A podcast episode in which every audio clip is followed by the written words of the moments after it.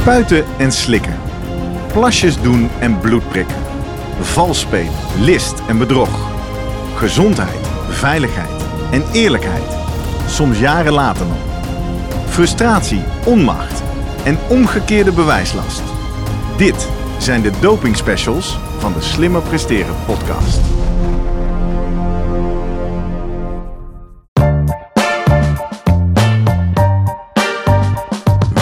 Bij de Slimmer Presteren podcast. Jouw wekelijkse kop koffie met wetenschapsjournalist Jurgen van Tevelen en ik, middle-aged man in Lycra, Gerrit Heikoop. Over sport, onderzoek en innovatie. Voor mensen die hun grenzen willen verleggen, maar daarbij de grens tussen onzin en zinvol niet uit het oog willen verliezen. In deze aflevering praat ik met Jurgen over schone Olympische Spelen. Zijn we op de goede weg? Met dank aan het hertesten worden de Olympische Spelen van Londen inmiddels gezien als de vuilste spelen ooit. Vooral het wijdverbreide dopinggebruik in de atletiek heeft hieraan bijgedragen. Hoe staat de moeder aller sporten er tien jaar later voor? De gast is Marco Knippen, de sportjournalist in ons land die steeds weer de juiste tegels weet te lichten als het gaat om misstanden in de sport. Voordat we beginnen, nog even drie dingen om aan te denken als jij zelf ook slimmer wilt presteren. Nummer 1. Druk nu gelijk even op abonneren, zodat je altijd direct in de gaten hebt wanneer er een nieuwe aflevering online komt. Nummer 2. Weet dat je Jurgen en mij ook kunt boeken voor jouw volgende bijeenkomst als spreker of presentator. Neem gerust eens contact met ons op via de contactgegevens hieronder. En 3. Deze podcast wordt geproduceerd en gesponsord door Live Online Events. Serieus goede content rondom jouw congres of event. Check www.loe.tv voor meer info. Ja, Jurgen, goedemorgen. Goedemorgen Gerrit. Welkom, nieuwe aflevering. Ja. Stap 6 in onze doping specials. Wederom eh, een bijzondere gast, een eh, zeer gerenommeerde sportjournalist. Werkzaam bij het dag, eh, Dagblad van het Noorden. Je zou denken, ja, Noord-Hollands Dagblad. Ja, sorry. Ja. Ja. Regionale krant, maar eh, zijn daden en zijn rijk is veel groter dan dat. Zeker. Voor de mensen die eh, Marco Knippen niet kennen, wie, wie is hij? Ja, ik vind het ontzettend jammer eigenlijk dat hij in die regio schrijft. Dus ik, ben, ik kan eigenlijk zijn stukken vaak niet lezen. Maar wel als hij ze samenschrijft met, met NRC bijvoorbeeld. Ja, eh, hij is sportjournalist eh, van het jaar geweest, 2015. En volgens mij het afgelopen jaar heeft hij eh, de Scoop gewonnen. Ook al zal hij niet snel dat woord gebruiken.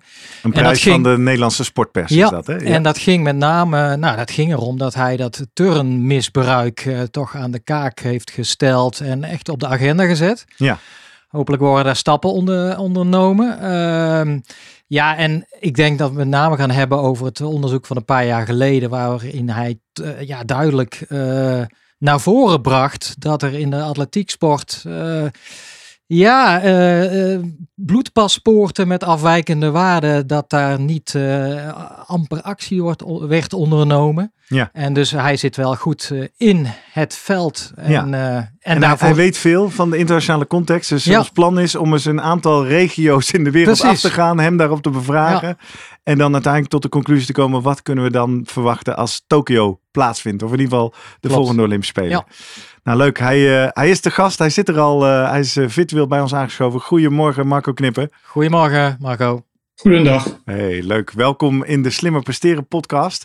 Voordat we aftrappen met eh, al het onderzoek en alle kennis die jij hebt, eh, willen we jou toch ook even dezelfde openingsvraag stellen die we al onze gasten in deze serie stellen. En dat is, wij zijn de Slimmer Presteren podcast. We hebben 42 afleveringen gemaakt over alle dingen die je kan doen om slimmer, beter, harder, sneller eh, te trainen en te presteren. Maar ja, ergens ga je op een gegeven moment de grens over.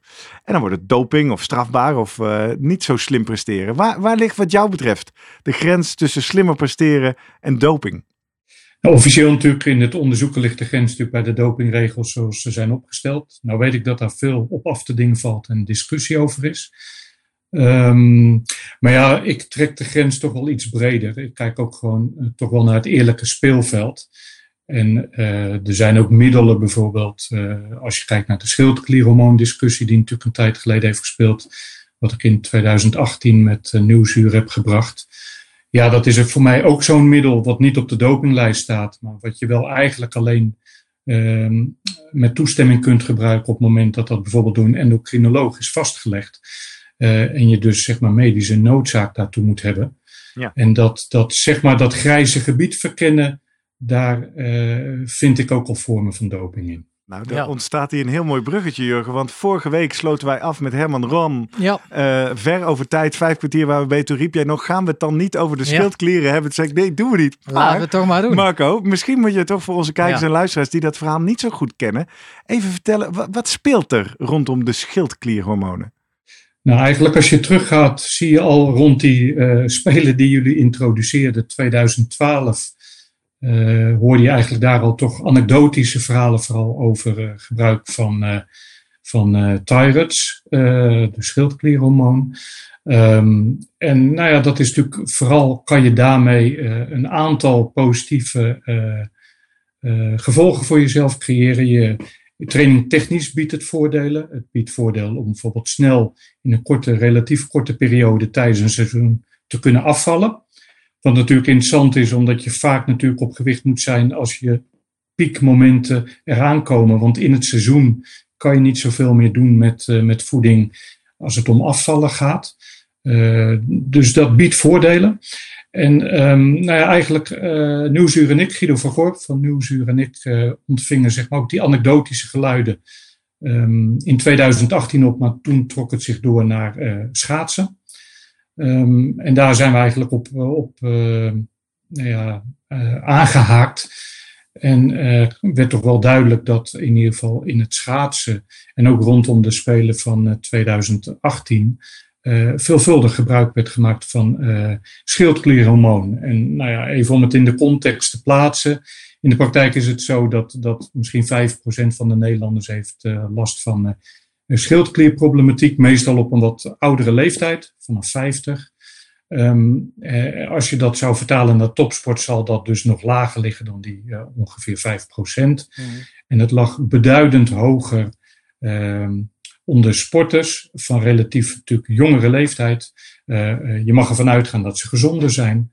en er waren weinig gevallen bekend van schildklierpatiënten binnen de topsport. Er waren wel één of twee waarvan duidelijk was, ook voordat die hele discussie ging spelen, dat ze schildklierpatiënt zijn. Hebben daar ook nooit, uh, zeg maar, uh, schimmig over gedaan. Uh, maar het aantal wat wij hoorden en wat uiteindelijk ook wel bevestigd werd, ehm, gaandeweg, um, ja, was echt een veelvoud daarvan. En kon je echt niet relateren aan wat gebruikelijk is. Ja, heb je dat dossier, hou je dat nog een beetje bij? Weet je een beetje de stand van zaken nu? Want uh, je hebt destijds ook de KNSB wakker geschud. Je hebt een aantal sportartsen uh, mogelijk uh, wakker geschud.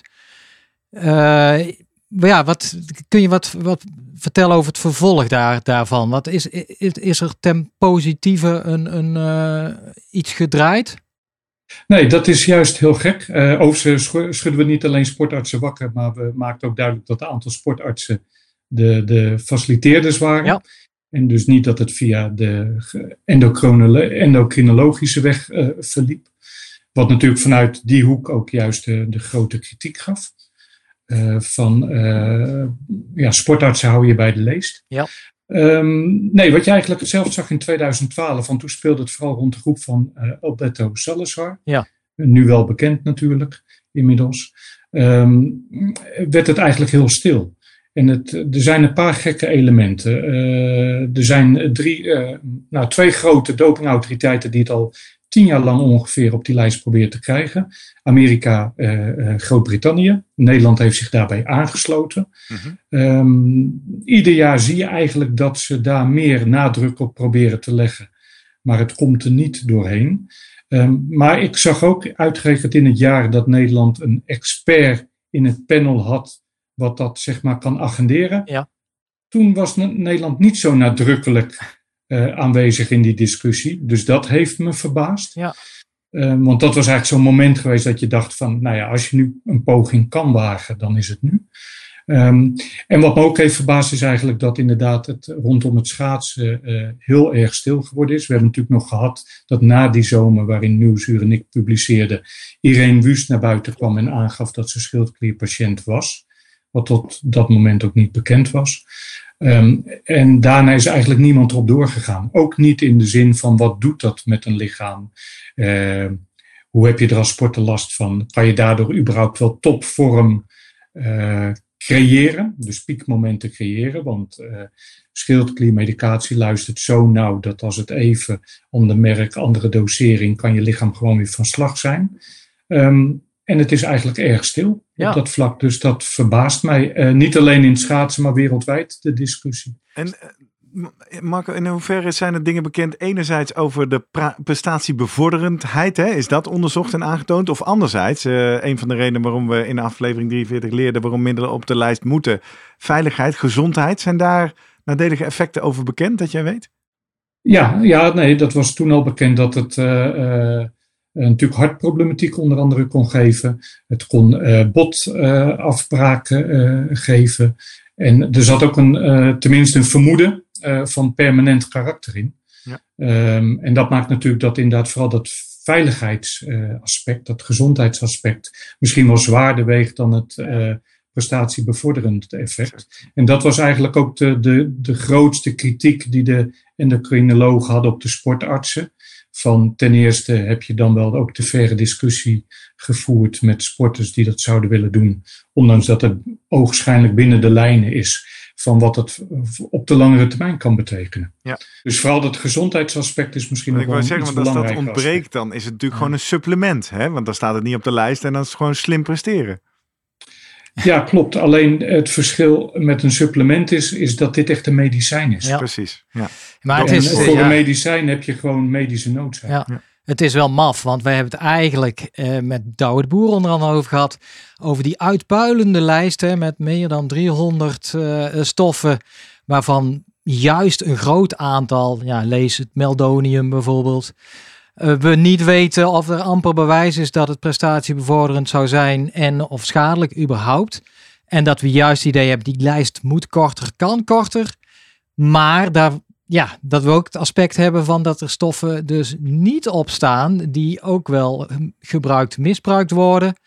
En op de een of andere manier uh, dus een beetje tegengehouden worden door nou ja, de mensen die hoger in, nou, in... Ja, ja, wacht even voordat het complot hier op tafel komt. Ik heb Herman Ram daar in een andere podcast wel over gehoord. En die zegt het probleem hiermee is, je kan het niet goed aantonen. Het is niet goed meetbaar, je kan niet goed aantonen. Hoe kijk jij daarnaar, Marco? Nee, maar er zit wel, uh, en dan wil ik niet vervallen tot complottheorie, maar er zit wel een schimmig karakter in, in de zin van dat er wel lobby's gaande zijn over middelen er wel of niet op te krijgen. Ja. Kijk, met de kennis van nu denk ik dat je kunt vaststellen dat meldonium bijvoorbeeld de stok was om te slaan destijds in de hele Rusland-discussie uh, die speelde. En het was duidelijk dat dit vooral een, een middel was wat in Oost-Europa in, uh, in zwang was. Um, en inderdaad, je kon de vraag stellen of het nou zo erg was als voorgewend werd. Maar daar blijf ik even van weg, want die kennis ontbeer ik. Maar je zag wel dat, dat het gebruikt werd om op dat moment het punt te kunnen maken. En er staan inderdaad ook, en eh, in dat verlengde, eigenlijk zou je dan denken, schildklier uh, zou er ook op moeten staan. Want er staan ook middelen op die schildklier gerelateerd zijn. In die zin, zelfde medicinale uh, vraagstuk in zich hebben. En die staan er wel op. Ja. Ik kan me ook nog herinneren in een verder verleden dat uh, we het hebben gehad over een keer uh, dat middel wat in je knie werd ingespoten. Zeg maar, het koeienmiddel werd het een beetje genoemd, paardenmiddel. en dat is er afgegaan met een Spaanse lobby. Nadat bekend was dat onder andere uh, uh, in Duitsland ja, ja. Uh, Nadal ermee in, injecteerde. Is dat ja. het platelet-rich plasma, denk ik, toch? Of niet? Ja. ja. Jij zegt lobby. Hè? Je zegt oké, okay, complotten, dat is natuurlijk een nawoord, want dan worden we daar met z'n allen weggezet als gekkies. Maar je zegt er is wel sprake van lobby's. En dan zou dus, om hem maar even af te maken en in te koppen, hier dus lobby's zijn. Misschien ook wel vanuit de Nederlandse schaatssuccessen, om hier niet te veel aan te gaan tornen. Nou, nee, dat is niet zo. Want zeg maar aan de voorkant was juist de dopingautoriteit, uh, ook in die periode en zeker die periode voorafgaand al, was een van de drie pleitbezorgers juist om het wel op de lijst okay, te ja. krijgen. En waren eigenlijk ook zeer verbaasd met hun argumentatie dat het er niet op kwam. En was er eigenlijk vanuit de kant van uh, de dopingautoriteit in Amerika, Groot-Brittannië en Nederland het idee dat er een tegenlobby was als het om schildklierhormoon uh, gaat, mm. specifiek. Ik heb mijn vraag uh, gevonden. Ja, ik moest even denken aan de, de monitoring list. Hè. Er zijn altijd stoffen die, uh, die worden gemonitord. Destijds was het ook met meldonium. En dan wordt een beetje gekeken van ja, hoe ontwikkelt zo, zoiets zich. Zoals daar cafeïne al uh, eh, 15 jaar op staat op die manier. Schildklier gewoon nog niet eens op de monitoring list, meen ik. Weet jij hoe dat zit? Nee, nee. klopt. Um, er is wel destijds in ongeveer in de periode dat Nieuwsuur en ik publiceerde, was er toevallig wel een onderzoek gaande. Uh, um, of het inderdaad bijvoorbeeld op die monitoringlist zou moeten komen of meer. Uh, maar dat is eigenlijk ook een stille dood uh, gestorven. Dus eigenlijk die periode na die publicaties in Nederland over schildklierhormoon, is dat eigenlijk ja, niet internationaal meer een discussie geweest. Maar het is inderdaad ook niet meer op die lijst gekomen op geen enkele manier. Ja. Maar sta jij niet dan te trappelen nu om eh, weer even een vervolg, om daar in dat dossier te duiken? Om, om toch even de, de actuele stand van zaken uh, op te pikken?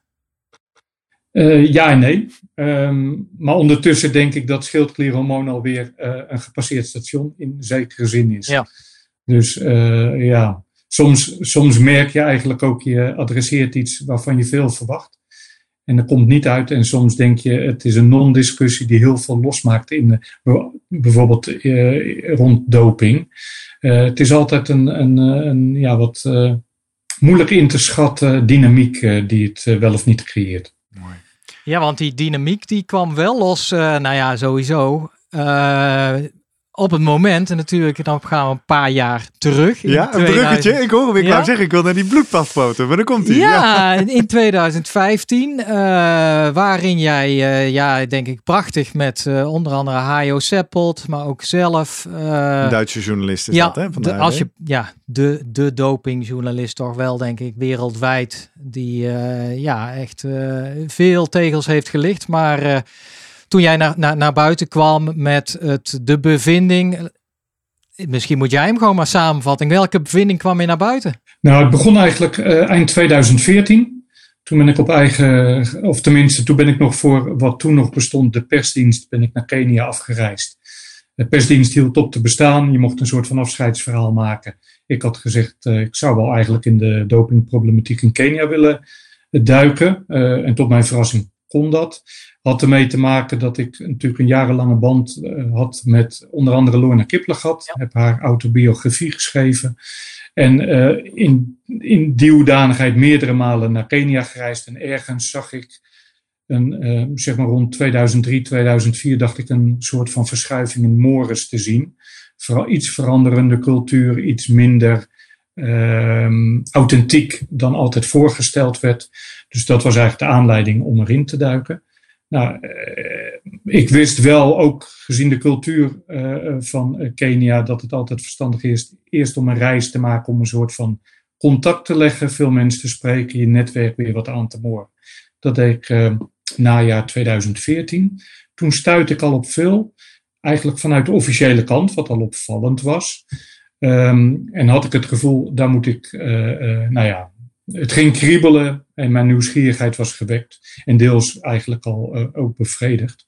Um, maar de pestdienst hield op te bestaan. Mijn krant wilde niet instappen op dat moment, want ja, regionaal. Um, wat ook te verdedigen valt. Nou, toen heb ik voor het eerst in mijn leven echt gezegd van ik wil mijn hart volgen. Bij journalist, ik duik nu in dit onderzoek. Uh, het is niet klaar. Toen ben ik op eigen gelegenheid in eerste instantie en met vakantiedagen ben ik teruggereisd naar Kenia. Daar kreeg ik meer bevestiging, maar nog niet de bevestiging waarvan ik vond dat het sluitend was. Toch even checken, Marco. Bevestiging van wat? Waar was je nou op zoek in die tweede reis? Nou, ik was vooral. Nou, kijk, de eerste reis leverde vooral op dat de uh, gedachten die ik erbij had, die nieuwsgierigheid die ik voelde, het gevoel van veranderende mores, die werd wel bevestigd in die eerste reis. Mm -hmm. En de tweede reis was vooral dan de zoektocht naar wat meer uh, bewijs dan alleen anekdotes. Mm -hmm die leverde die tweede reis op. Uh, en de derde reis zou voor mij echt de volmaking zijn om echt tot het nou ja, redelijk complete plaatje te komen. En in die periode was het al zo dat er al uh, um, uh, geruchten de ronde deden over een lijst van afwijkende bloedwaardes. Niet uiteindelijk de lijst waar we het in de zomer over hebben of zullen hebben. Maar er, was al, er circuleerde al een lijst en daar zouden ook Kenianen op staan. En ik wist dat die lijst in handen was van Hayo Seppelt. Dus dat is mijn uh, aanleiding geweest om met hem contact te zoeken van zou ik inzage in die lijst kunnen hebben. Die kreeg ik niet toen, maar hij stelde wel de tegenvraag van zou jij wat namen met mij kunnen delen? Dan kan ik controleren of ze op die lijst staan. Mhm. Nou ja, ik heb voor mijn twintigtal namen doorgespeeld en uh, in zeer korte tijd kreeg ik van hem de vraag of er niet een soort van samenwerking opgezet kon worden. Toen had ik wel eigenlijk de indirecte bevestiging dat ik kennelijk uh, qua namen en lijst uh, dat dat redelijk overeenkwam als het om Kenia ging. En daar is eigenlijk de derde reis uit voortgevloeid, zijn eerste reis voor dit project. En zijn we in het voorjaar van 2015 uh, weer naar Kenia afgereisd. En dat heeft uiteindelijk tot uh, de publicatie geleid. Zowel in documentaire vorm ARD als in schrijvende vorm in mijn titels. Ja, en daar ging het erom dat jij ja, uit eigenlijk uh, kon zien uit gewoon ja, een hele bulk aan data van de biologisch paspoort, bloedpaspoort. Daar heb jij een deskundige naar laten kijken of een aantal deskundigen.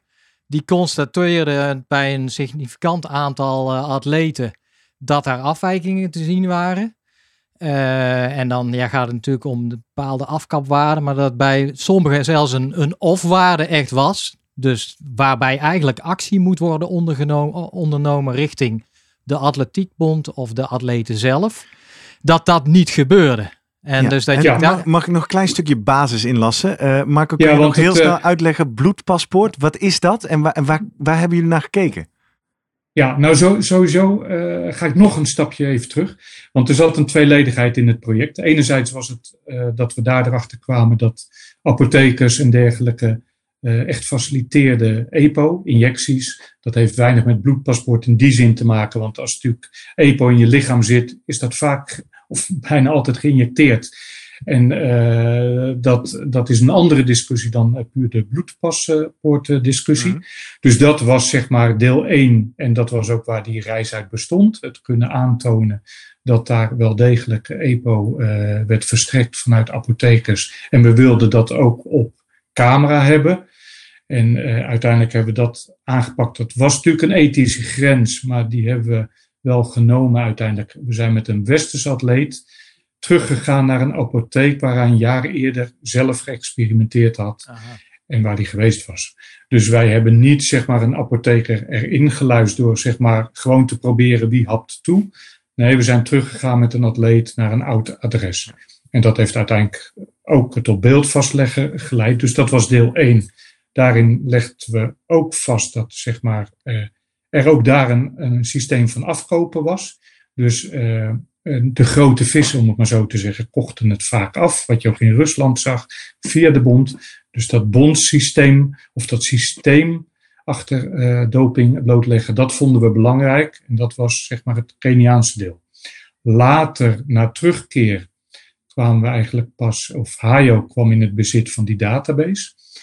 Uh, er was een database van eh, IAF zelf, tegenwoordig World Athletics. En dat was inderdaad een database van uh, eh, 12.000 testen met in ieder geval abnormale waarden, waarvan een groot deel verdachte waarden, ehm, gerelateerd aan vijf, om en nabij 5000 atleten wereldwijd, waaronder ook 72 Nederlanders. Um, en dat was het moment waarop hij mij erbij trok. Want in eerste instantie um, werkte hij samen met de Sunday Times. Um, en Sunday Times en ARD hebben zeg maar twee gerenommeerde Australische experts hebben daarop gezet. En die hebben meegewerkt onder de voorwaarde dat in ieder geval namen niet naar buiten mochten. Want zij wilden zeg maar de aard en omvang blootleggen. Maar zij wilden niet vanuit hun rol zeg maar, beschuldigend zijn naar specifieke gevallen. Um, en dat hebben we ook doorgetrokken uiteraard naar Nederland. Um, en het Nederlandse deel, dat, dat hadden zij ook berekend. Maar daar heb ik een soort van second opinion, een dubbelcheck mee ingebouwd. En daar heeft Douwe de Boer aan meegewerkt. Maastricht, wel bekend. Ja, die hebben we gesproken. En die heeft zeg maar... Ja ja, die heeft zeg maar de Nederlandse uh, namen, of in ieder geval de, de, de potentieel verdachte atleten. Dat was 11% van de 72, dus dat waren er acht. Die heeft hij nog doorgelicht met zijn eigen methode en met de door de twee Australische experts, Ascenden, uh, Parisotto, uh, gemeten aanpak heeft hij gedaan en zijn eigen aanpak eroverheen gelegd. En hij kwam tot vergelijkbare scores. En in sommige gevallen zelfs um, was het bij Douwe de Boers methode soms nog verdachter mhm. als het om Nederlanders ging dan bij hun methodiek. En voor de achtergrond, Douwe de Boer is natuurlijk zelf uh, dopinglabdirecteur in Lissabon geweest. Zeer goed ingevoerd in deze materie. Um, wordt ook vaak ingezet als uh, expert bij verdediging. En uh, Parisotto en Epsienden zijn vooral betrokken geweest, onder andere bijvoorbeeld Parisotto bij de ontmaskering van Lens Armstrong destijds. Dus en jij zegt deze database, uh, toch even, je, je hebt het over uitslagen. Dus dit was een database met testuitslagen of waren dit nou ja, de nou, het waren, af, het waren afgenomen testen. Mm En dat leidt natuurlijk inderdaad met die HB Reto tot, tot een off-score. En die off-score was dusdanig afwijkend dat de twee experts ook zeiden: dit zouden dan resultaten moeten zijn die je nader moet onderzoeken. Kijk, het afwijkend is niet altijd verdacht. Nee, dat heeft Herman uh, vorige week uitgelegd. Hè? Ze willen heel erg want, voorkomen uh, je kan, positieve hebben. Ja, je kan bijvoorbeeld ook denken aan hoogtestage, uh, ziekte, menstruatieperiode, wat leidt tot een andere waarde die in ieder geval afwijkt ten opzichte van je patroon, maar die niet verdacht hoeft te zijn. Um, ja, wat was de nou vraag? Ja, en dan komen we bij eigenlijk Jurk's vraag, want nu hebben we beter begrepen waar, het over ging, wat de data uit. En dan zeg jij, het opvallende in die casus was dat die bonden daar niet leken op te acteren, toch? Dat heb je aanhangig gemaakt toen. Uh... Klopt. Het was een database notabene afkomstig van de IAF zelf. En eh, de twee experts stelden vast dat de waarden dusdanig hoog waren dat je uh, atleten niet uh, de baan op moest sturen of de weg op moest sturen, maar eigenlijk rechtstreeks richting het ziekenhuis moest duwen. Uh, want om een voorbeeld te geven, waardes nou ja, zeg maar onder de 10 zijn verdacht omdat de, de bandbreedte te, te, te opvallend afwijkend is. En boven de 20 zijn ze gezondheid technisch gevaarlijk. en er werden waardes aangetroffen van schik niet tot 75. Ja, ja. Um, nou, dan ben je gewoon doodziek in die zin als je die uh, redenatie hanteert. En het waren gewoon atletes die niet zeg maar in verband waren gebracht met voorlopige schorsingen uh, of anderszins. En gewoon nog vaak actief waren. Want het was natuurlijk de periode 2000-2012 geweest. Dus het, ja, en uh, we brachten het in 2015. Dus het was nog recent materiaal. Ja, ik, wil hem toch even heel scherp maken, Marco. Want als je dit soort getallen zegt, hè, tussen de 10 en 20 en dan 75. Maar je zegt tegelijkertijd ook, de uitslagen waren niet positief. Dus deze waarden die je nu noemt, gaan over de schommeling dan, denk ik. Gaan over het verschil. Een heel ja, het gaat over de schommeling. Ja. En kijk, maar tussen 10 en 20 kan het soms even, dan wordt het misschien... Ik hou het ook... Ja, we gaan er uh, zo uit hoor, uit de techniek. Maar, maar tussen graag goed 10 begrijpen. Ja tussen 10 en 20 zie je vaak de normale uh, waarden die afwijkend zijn. Dan hè, kan je redelijk snel komen tot een, tot een uitlegbaar patroon. Want dat is het eigenlijk. Een afwijkend bloedpaspoort hoort in essentie ingezet te worden om te kijken van vergt dit nader onderzoek. En nader onderzoek kan dus ook betekenen vaker testen. Ja. Um, en, en dat zag je niet terug. Er werd niet vaker getest. Er werd geen onderzoek gedaan. Er werd geen uitleg gevraagd aan atleten. Terwijl die waardes bleven hoog. En dat maakte het gek. Ja. ja, dat is wel interessant. Want ik ben als naïeve wetenschapsjournalist, heb ik later, zijn, ben ik artikelen in de wetenschappelijke literatuur tegengekomen van die onderzoekers, denk ik, moet wel, uh, die eigenlijk de, het gebracht hebben van, ja, we hebben in die periode eigenlijk veel atleten gemonitord, veel gemeten, om eigenlijk een beeld te krijgen van de normaalverdeling van dat bloedpaspoort. Om daar als een soort referentiewaarde mee te kunnen gaan werken. En daar gaven ze wel aan, ja, we, hebben, we zien 15 tot 20 procent in, in een afwijkende range, zullen maar zeggen. Maar heel duidelijk aangeven, ja, we weten gewoon nog niet zo goed wat we met dat bloedpaspoort aan moeten. Um, ja, dat, dat is natuurlijk de manier waarop zij het verkocht hebben, later waarschijnlijk. Maar wat natuurlijk wel, wat jij zegt, uh, zeer laakbaar is, het feit dat er bij echt extreme waarden gewoon geen actie werd ondernomen van ga dat herhalen, ga dat vaker doen en waarschuw dan uh, die mensen. Ten meer ook omdat je bij heel veel atleten zag dat ze ook toewerkten naar kampioenschappen. Hmm. Dus die afwijkende waardes, die zaten vaak ook op momenten dat ze moesten pieken, zeg maar, omdat daar een kampioenschap aan vast zat. Ja. Gelukkig, we, we leven uh, zes jaar later inmiddels. Uh, ja, hoe gaat het nu met het bloedpaspoort? Bijvoorbeeld als... En de opvolging dus. En de opvolging daarvan. Ja, wordt er meer getest? Ja en nee. Want ik kijk nu iets anders aan tegen hoe ze het bloedpaspoort inzetten om uh, dopingzondaars te ontmaskeren. En dat heeft ermee te maken, kijk, de essentie was altijd, het bloedpaspoort was ondersteunend.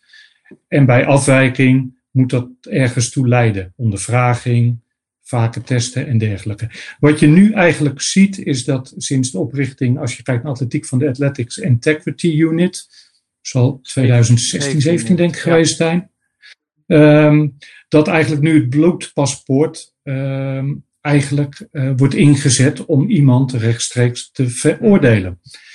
En daar zitten wel uh, op zijn minst genomen raafverbanden aan. En dan ga ik weer terug naar Kenia, want dat maakt het eigenlijk wel mooi en inzichtelijk. Want eigenlijk is ook bepaald destijds, want destijds in de periode dat, dat, dat Hayo Nick dit brachten, werd er weinig uh, bloeddopingtesten werden afgenomen in Kenia. Dat had deels mee te maken dat ze daar niet de laboratoria hadden. Deels mee te maken dat je dus moest overbrengen naar een ander land. Uh, soms gewoon uh, met oog op zeg maar, uh, verkeerde temperatuur en dergelijke, dat dat gewoon lastig was. Dus het bleef vaak beperkt tot urinetesten. Dat is sindsdien veranderd, want natuurlijk Kenia werd een beetje onder curatele gesteld. De dopingautoriteit werd er opnieuw ingericht met hulp van Noorwegen en China, onder auspiciën van uh, Wereld Antidopingagentschap. En de Keniaanse autoriteiten gingen ook volledig meewerken, waardoor daar wel veel bloeddopingtesten werden gedaan. Het bloedpaspoort wordt daar heel veel nu gecontroleerd. Je ziet verhoudingsgewijs ook dat heel veel Kenianen nu worden uh, veroordeeld op dat bloedpaspoort. Terwijl het gekke daarin is dat het, um, het samenhangende e-, element van dat het ondersteunend zou moeten zijn, heeft Athletics Integrity Unit losgelaten. En ik durf nu zelfs te zeggen dat uh, bloedpaspoort een soort van smoking gun geworden is, waarin eigenlijk atleten uh, um, um, wild, wild, een wilde prooi geworden zijn. Want wat er gebeurd is bij afwijkende waardes, wordt, wordt nu gewoon gezegd, de, de, grenswaarde is, over, is arbitrair. Hmm. ze werken met een algoritme wa, wat je niet kan opvragen. Dus je weet niet waar ze zich op baseren. Dus voor de verdediging is dat heel lastig. Er wordt eigenlijk tegen je gezegd van, wij stellen vast dat jij fout bent. Toon je gelijk maar aan. Maar we leveren niet de data aan waarin je kan gaan aantonen uh, waarin je dat kunt aanvechten, zeg maar. En, en uh, toch weer even een check, Marco. Hou vast waar je bent. Nogmaals, om het heel scherp te hebben. Wij vinden dat je fout zit, wederom niet op basis van een positieve test, die duidelijk is, maar op basis van een schommeling in je bloedwaardes dus. Hè? Zo moet ik het begrijpen. Klopt. Maar dat wordt nu eigenlijk gebruikt als een vaststaand gegeven, wat, wat meteen in de praktijk leidt tot schorsing. Ja. En dat, dat, nou ja, dat treft vooral de Kenianen. Ik denk dat dat niet zo bedoel, bedoeld is als zijnde van uh, we moeten de Kenianen pakken. Maar Kenia is vrij gemakkelijk om, zeg maar, als je zeg maar via bloedpaspoort nu nou ja, een signaal wil afgeven, een boodschap wil afgeven, of je succes wil uh, aantonen, uh, is Kenia makkelijk, omdat in de praktijk in een straal van 40, 50 kilometer trainen alle Keniaanse toppers. Dat vind je in geen enkel land. Uh, dus je kan vrij eenvoudig met relatief uh, weinig budget, hoge pakkans, in een kleine straal heel veel atleten controleren. Uh, en dat gebeurt ja. nu. En het gekke is dat de, ondanks corona ook heel veel Westelingen trainen in ITEN en omgeving op hoogte. En voor hen lijkt het toch een soort van safe haven, want zij worden bijna niet ah, gecontroleerd. Ja, ik wou zeggen, worden, worden ze niet gepakt of niet gecontroleerd? Niet gecontroleerd dus. Nee, niet, uh, de signalen die mij bereiken ook ja. niet gecontroleerd. Hm. Interessant, ja, want ik zit even te denken aan de casus. Ja, wij mogen wel individuele casus uh, hier, ja, we hebben geen contact meer met Herman Ram. Ja, uh, Kerkhoff, hè? Dit was toch uh, volgens mij de short track trackster die uh, ja, een afwijking in haar bloedpaspoort had en bleek uiteindelijk te gaan om een aangeboren hartafwijking, als ik het goed heb, kon, kon in ieder geval verklaren dat zij op hoogte of na een vliegreis een, een, een, behoorlijke schommeling te zien kreeg. Dat is in ieder geval mijn interpretatie. Maar even nog teruggaan. Als ik naar de dopinglijst kijk, dan zie ik wel ergens een aspect van, nou, onder de, de categorie waar ook EPO onder valt. Ja, je mag niet rommelen met je bloed, hè? geen bloedtransfusie, et cetera. Maar waar staat precies dan gedefinieerd van hoe, kijk, voor stoffen oppikken, dan snappen we dat, hebben we analytische methoden voor. Staat dat ergens gedefinieerd wel in die WADA-code dan ja, waarop eigenlijk een bloedpaspoort uh, ja, een afwijkende uitslag kan geven? Ken jij nee, je dat? Nee, zover ik uh, heb kunnen nagaan niet. En uh, er is dus ook heel veel discussie over die grenswaarden. Waar is die op gebaseerd? Welk algoritme ligt eronder waar jullie op baseren? Um, er is bijvoorbeeld, want dat is in een casus die ik ken rond de Keniaanse atleet, is ook gevraagd uh, van, is er bijvoorbeeld ooit onderzoek gedaan of Kenianen misschien, doordat ze op hoogte geboren getogen zijn, van zichzelf al bijvoorbeeld een hogere waarde hebben, die zeg maar atypisch voor een mens is, maar voor een topsporter of een atleet uh, gebruikelijk zou kunnen zijn. Nou, daarvan is ook eerlijk gezegd door de Athletics Integrity Unit dat die onderzoeken er niet zijn. Dus het lijkt ergens een hele arbitraire ja. Uh, uh, ja, waarden die ze hebben bepaald. En het interessante is, er zijn eigenlijk maar twintig experts betrokken bij zeg maar, die kant van Athletics Integrity Unit, die ook worden ingezet bijvoorbeeld door de door eh, IU uh, eh, als ze zeg maar zo'n zaak beginnen. Um, maar die twintig mogen tot op heden, uh, er zijn er drie die dan in zo'n commissie stappen die dat gevecht aangaan, om het maar even zo te zeggen. Maar die 17 die daar niet bij betrokken zijn, maar die wel de kennis hebben, bijvoorbeeld waar is het op gebaseerd? Hoe zit dat met dat algoritme? Daar zou je natuurlijk van kunnen denken, die zou je heel graag in je verdedigingsteam willen hebben, omdat die in ieder geval kunnen aangeven of de discussie inhoudelijk kunnen maken. Dat mag tot op heden niet. Uh, dat voorstel is ooit wel gedaan in die casus van de Keniaan.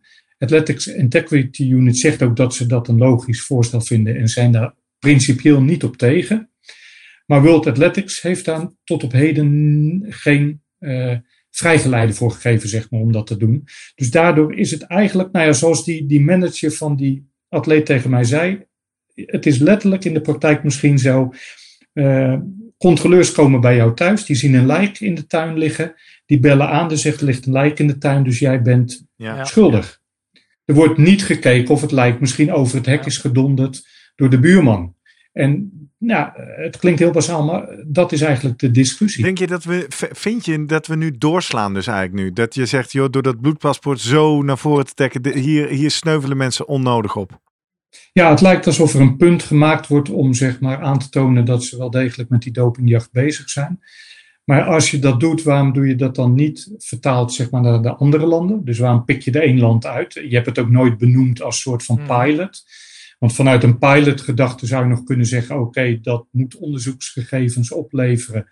Dus we, het is nog niet bedoeld meteen om te veroordelen, maar in ieder geval de patronen te koppelen aan de algoritmes. En de, nou, dan kunnen we in ieder geval aantonen of het een, een, een deugdelijke methode is. Nee, het lijkt hier echt alsof er, net als destijds met Meldonium uh, rond Rusland, en nu een punt gemaakt moet worden. En nou ja, waar in dit geval dan uh, heel vervelend, Kenia onder lijkt te leiden. En dat heeft deels ook, denk ik, mee te maken dat de Keniaanse autoriteiten zo meewerken. Dat privacygevoelige informatie speelt daar veel minder dan in westerse landen. Um, ja, en, en vooral speelt dit binnen de atletieksport. Het lijkt alsof World Athletics en Athletic, Athletics Integrity Unit dit als speerpunt hebben gemaakt. Waarin je ook in de atletiek eigenlijk verhoudingsgewijs meer dan in andere sporten die whereaboutsfouten uh, ziet terugkeren, die worden aangepakt. Ja, want ik, ik had eigenlijk in de voorbereiding heb ik ook een, een, column van uh, Sean Ingle in The Guardian. Wie, die eigenlijk uh, de atletiek of World Athletics naar voren brengt van kijk eens, hier hebben we een bond die echt nu met de bezem door het hele dopinggebruik heen zwaait en dat ontzettend goed doet. in ieder geval afgaande op de aantal straffen die er zijn. Als je inderdaad bij de IEU kijkt naar het aantal, het is ook heel transparant, erg, in ieder geval transparant in de namen. Je opent de lijst met, met geschorsten, ja, dan poppen er iets van 400, 500 al, al op, die dan de afgelopen vier jaar uh, nou ja, gestraft zijn. En dat gaat het op straffen van nou, vaak vier jaar ook. En hij, hij zegt juist van kijk, ja, dit is eigenlijk de manier. Uh, hier moeten andere sportbonden ook een voorbeeld aannemen. Dus ik was eigenlijk zoiets van, hey, het gaat de goede kant op. Maar als ik jou zo, zo hoor, denk ik, ja, het, gaat, het is doorgeslagen. Nou ja, kijk, het zou misschien in, in het zou misschien wel uh, zo kunnen zijn dat het de manier moet zijn voor mm -hmm. de mhm. toekomst. Maar creëer dan aan de voorkant wel een eerlijk speelveld.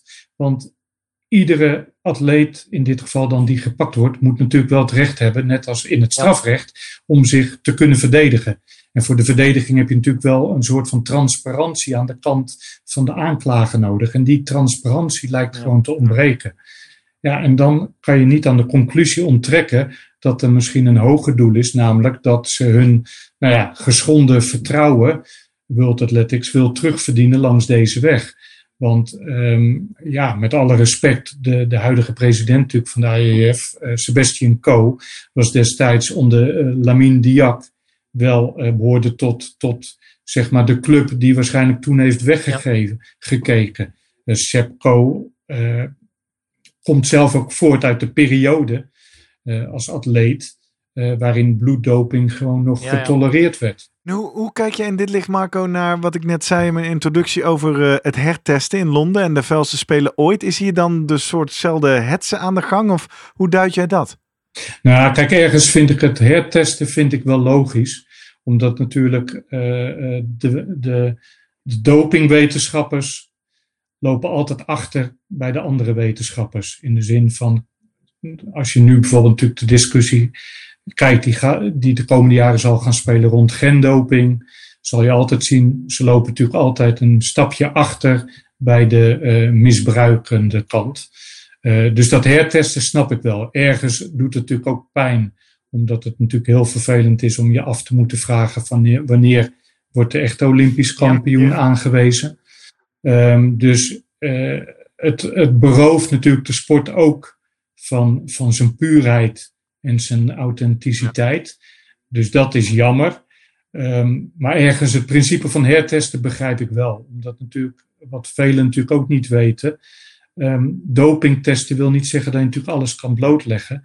Laboratoria krijgen bij kampioenschappen vaak de opdracht om naar een specifiek stofje te gaan zoeken, omdat men uh, het gevoel heeft dat dat bijvoorbeeld erg in zwang is in die uh, periode, in die tijdfase. Dus het kan best zo zijn natuurlijk dat er, ik noem maar wat, EPO gerelateerd zo gezocht wordt. En dat, uh, dat er heel veel dopinggebruik is, maar net weer op stofjes die op dat moment nog niet in beeld, niet in het vizier zijn en er wordt niet op gezocht.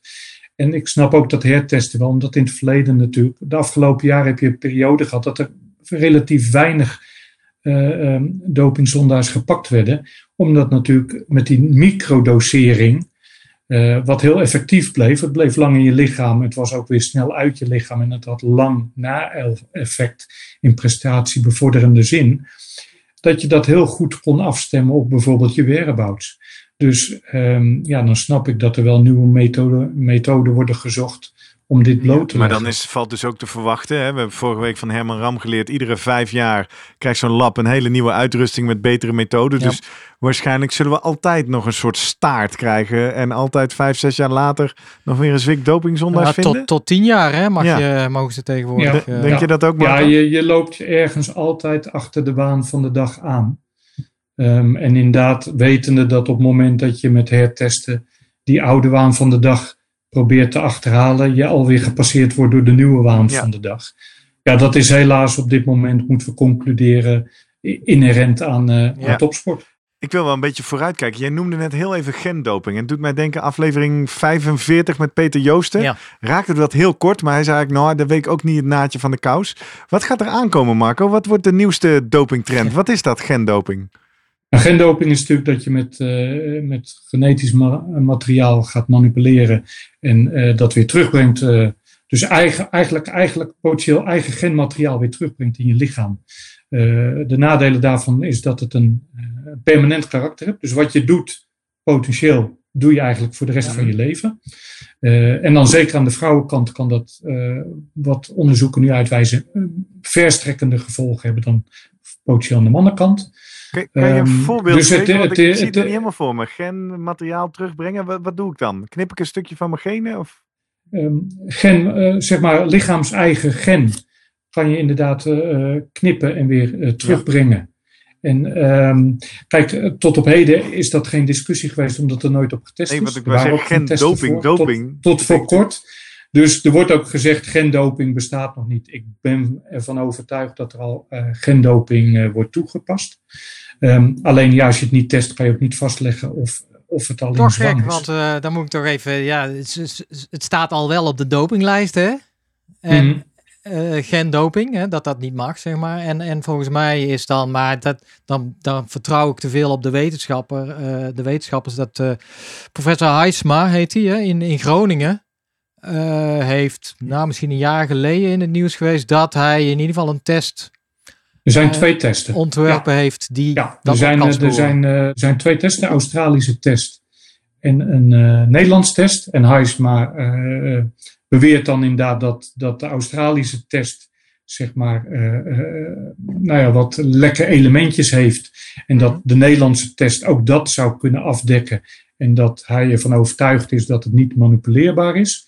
Want zeg maar bij de Australische test, even heel kort gezegd, zou je eromheen kunnen gaan. Dus het gedeelte wat dan eruit geknipt wordt om te onderzoeken, dan kan je bij de Australische test, kan je zeg maar dat gedeelte omzeilen. En dat zou met de Nederlandse test niet kunnen. Um, um, maar ja, wat, wat, wat interessant is, uh, en volgens mij is dat nog steeds zo, bij uh, Tokio zouden dus uh, de Australische test, en waarom ze gekozen hebben voor de Australische test en niet voor de Nederlandse test, terwijl Drijsma, of Drijsma wel in dat dopingpanel zit, zou je verwachten, waarom gaan ze dan niet voor de Nederlandse test? Maar ze hebben gekozen voor de Australische test. En die zou, ik ik heb niet gehoord dat dat veranderd is, zou geïntroduceerd worden in Tokio. Dus dat zou dan de eerste speler worden waarop ja. gendoping getest zou gaan worden. Sorry dat ik terugkom jongens, want jullie zitten hier allemaal te knikken, jullie begrijpen het allemaal, maar ik zie het nog steeds niet voor me. Ik snap, ik weet iets nou. van CRISPR-Cas, maar wat doe ik dan? Doe ik dan spier versterking of meer ja, rode je, bloedlichamen aanmaken? Wat, je, wat, je, wil bijvoorbeeld meer uh, EPO aanmaken. Nou, ja. Dan zoek je naar uh, het gen, dat, dat wat aanstuurt. codeert voor uh, EPO aanmaken. En die kopieer je dan of zo? En nou, die, dan breng je de gunstige variant op die plek in. en, en dan weet jij gewoon dat bijvoorbeeld ja, normaal bij een lage zuurstofspanning produceer je zoveel EPO. In dit geval ga je vijfvoudige produceren. Of hm. je hebt niet eens een lage zuurstofspanning nodig om uh, extra uh, EPO te produceren. En hier zit het. Zit er ja. veel op EPO? Of waar, wat is het toepassingsgebied? Dat ja, is denk ik eigenlijk nou, wat ik zoek. De, ja, nou ja, dat, dat, mijn mening Marco? als fysioloog is, ja. ja groeifactoren bijvoorbeeld, de stoffen die ja. nu op de dopinglijst staan bijvoorbeeld. Ja, maar daar word je dan uh, toch op gepakt? Testosteron, ja precies, daar kan je op Ja, maar het, voor, het voordeel is dat er dus het, het ogenschijnlijk het lichaams eigen karakter geeft dat het normaal lijkt. En die test zou dus moeten, moeten uitwijzen dat daar wel binnen gemanipuleerd ja, ja. is. Um, want ogenschijnlijk lijkt het dan lichaams eigen. Maar um, ja, jij zegt, je, je kan, ja, die, je veronderstelt dat, dat het al gebeurt. Heb je ook echt aanwijzingen in, in, in landen? Uh, ik denk dan meteen aan China op de een of andere manier. Was dat niet die Chinees die uh, met die baby's met een CRISPR-Cas? Dat is een Chinees, ja, toch? dat klopt. Dat is Chinees onderzoek. Uh, heb, je, heb je nou aanwijzingen dat er al, nou ja, gendoping in bepaalde landen, dat daarmee, nou ja, laat ik zo zeggen, geëxperimenteerd wordt? Nee, niet, niet direct uh, bewijzen of uh, meer anekdotisch. En dan inderdaad denk je toch natuurlijk aan de landen die in het verleden of decennia, afgelopen decennia ook al aantoonden dat ze daar redelijk ver in ja. wilden gaan en konden gaan, omdat er een soort van staatsgefaciliteerd systeem onder lag. Ja, dan heb je wel natuurlijk de usual ja. uh, suspects. We, we maken een reis rond de wereld. Hè? Kunnen we nog even dat afstap, uitstapje Rusland maken, Gerrit? Ja, heel snel. Maar ik heb ook het gevoel dat we dat al een beetje geraakt we hebben. Gaan van ik wil Rusland naar, naar Nederland. Ja, nou ja. maar heel kort. Ja, Rusland. Ik heb uh, ja, het boek nog even gelezen, uh, net zoals Icarus. Ja, uh, de straffen. Het dit doe je snel, hè? Zelfs voor de kijkers op YouTube. Affaire, nou ja. De Rodchenkov-affaire. Een aanrader, samen met de documentaire Icarus natuurlijk. Uiteindelijk, ja, wat, wat hebben we gezien? Rusland is voor uh, van vier jaar uh, teruggebrachte straf naar twee jaar. Uh, ja, hoe zie jij de toekomst van, uh, van Rusland in als het om het op orde hebben van ja, de, de, de dopingcontroles en het in de pas lopen met, met WADA gaat?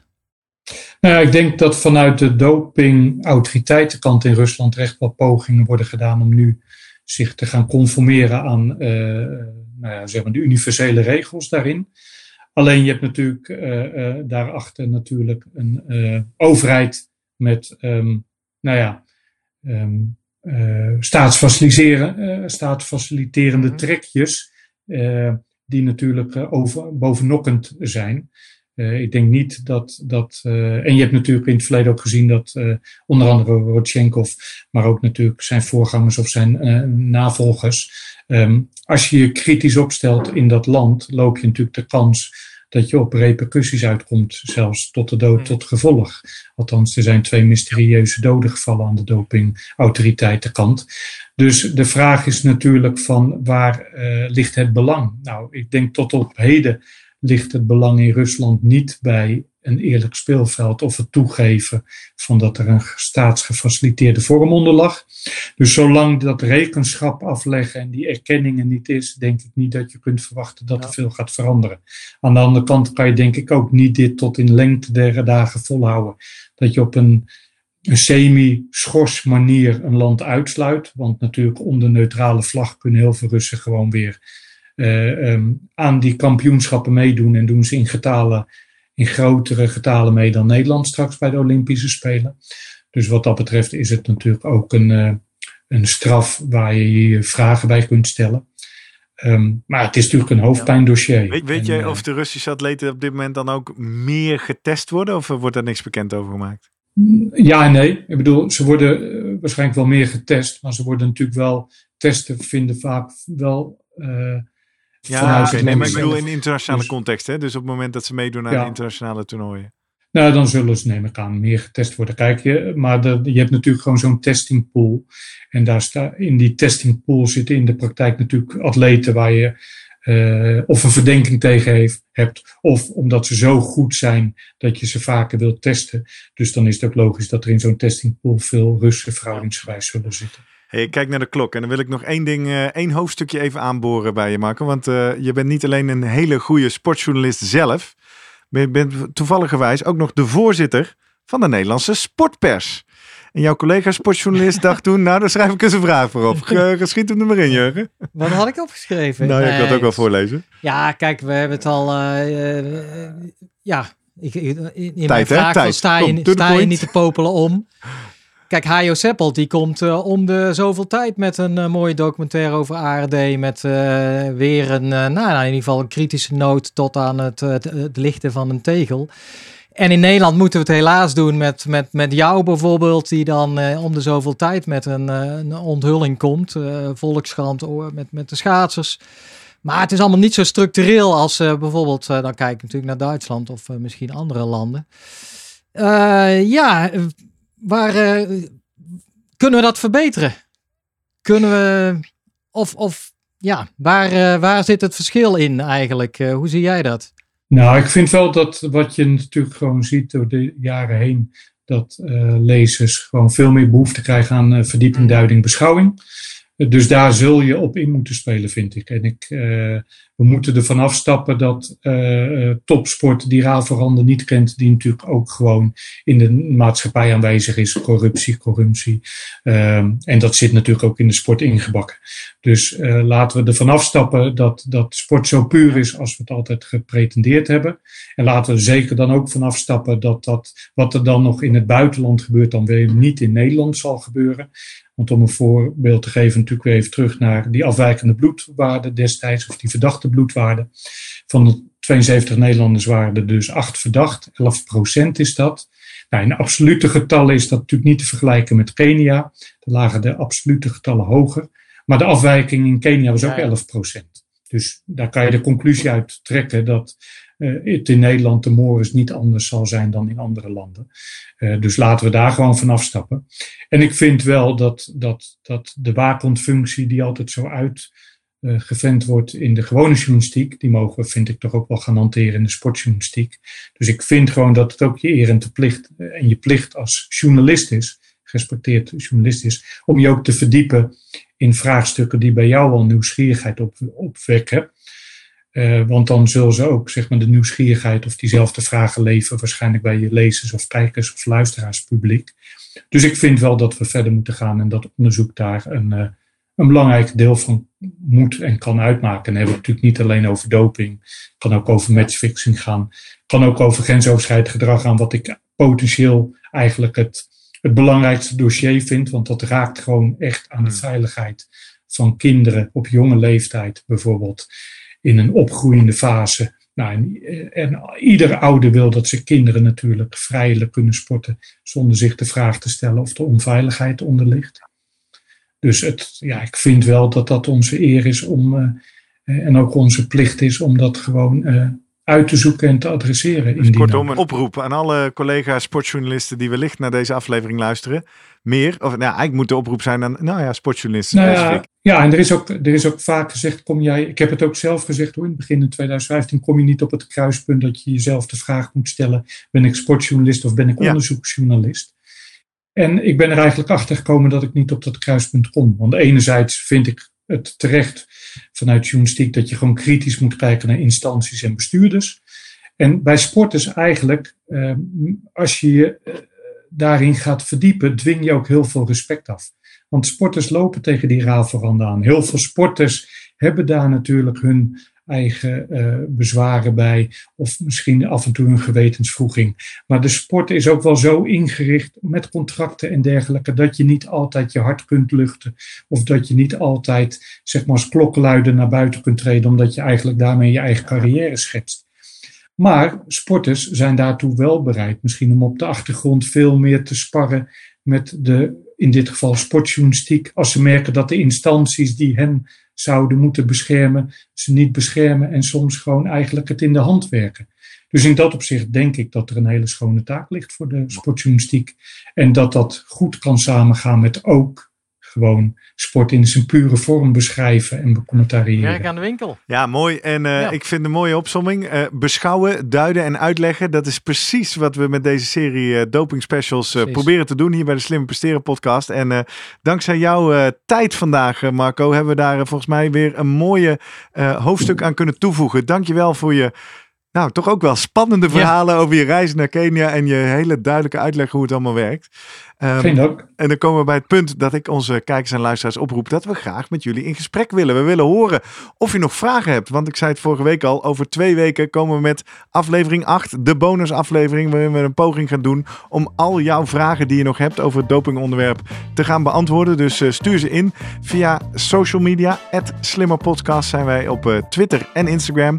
Je vindt van iedere aflevering een post, daar kun je op reageren. Of je kunt ons taggen of een DM'tje sturen. Je kan ook naar onze website www.slimmerpodcast.nl. Daar vind je van iedere aflevering een eigen pagina, waaronder ook een commentfunctie staat en waar, uh, waarop je kunt reageren. Of, nou ja, als jij misschien wel sporter of topsporter bent, en zoals Marco net zei, uh, je carrière zou kunnen schaden. Als je dat in het openbare domein doet, kan je ons ook gewoon hartstikke anoniem mailen via post.slimmerpodcast.nl. Wij uh, gaan discreet met jouw vragen en gegevens en anekdotes om, maar vinden het wel heel leuk om van je te horen. En we reageren altijd. Tot zover. Dit is de zesde uh, in de serie gasten. Volgende week hebben we nog één te gaan. In gesprek met Thijs Zonneveld. Waarin we specifiek gaan inzoomen op doping in het wielrennen. Ja. Tot zover. Dank voor deze mooie uitleg en beschouwing, Marco. Dankjewel, Marco. Dank.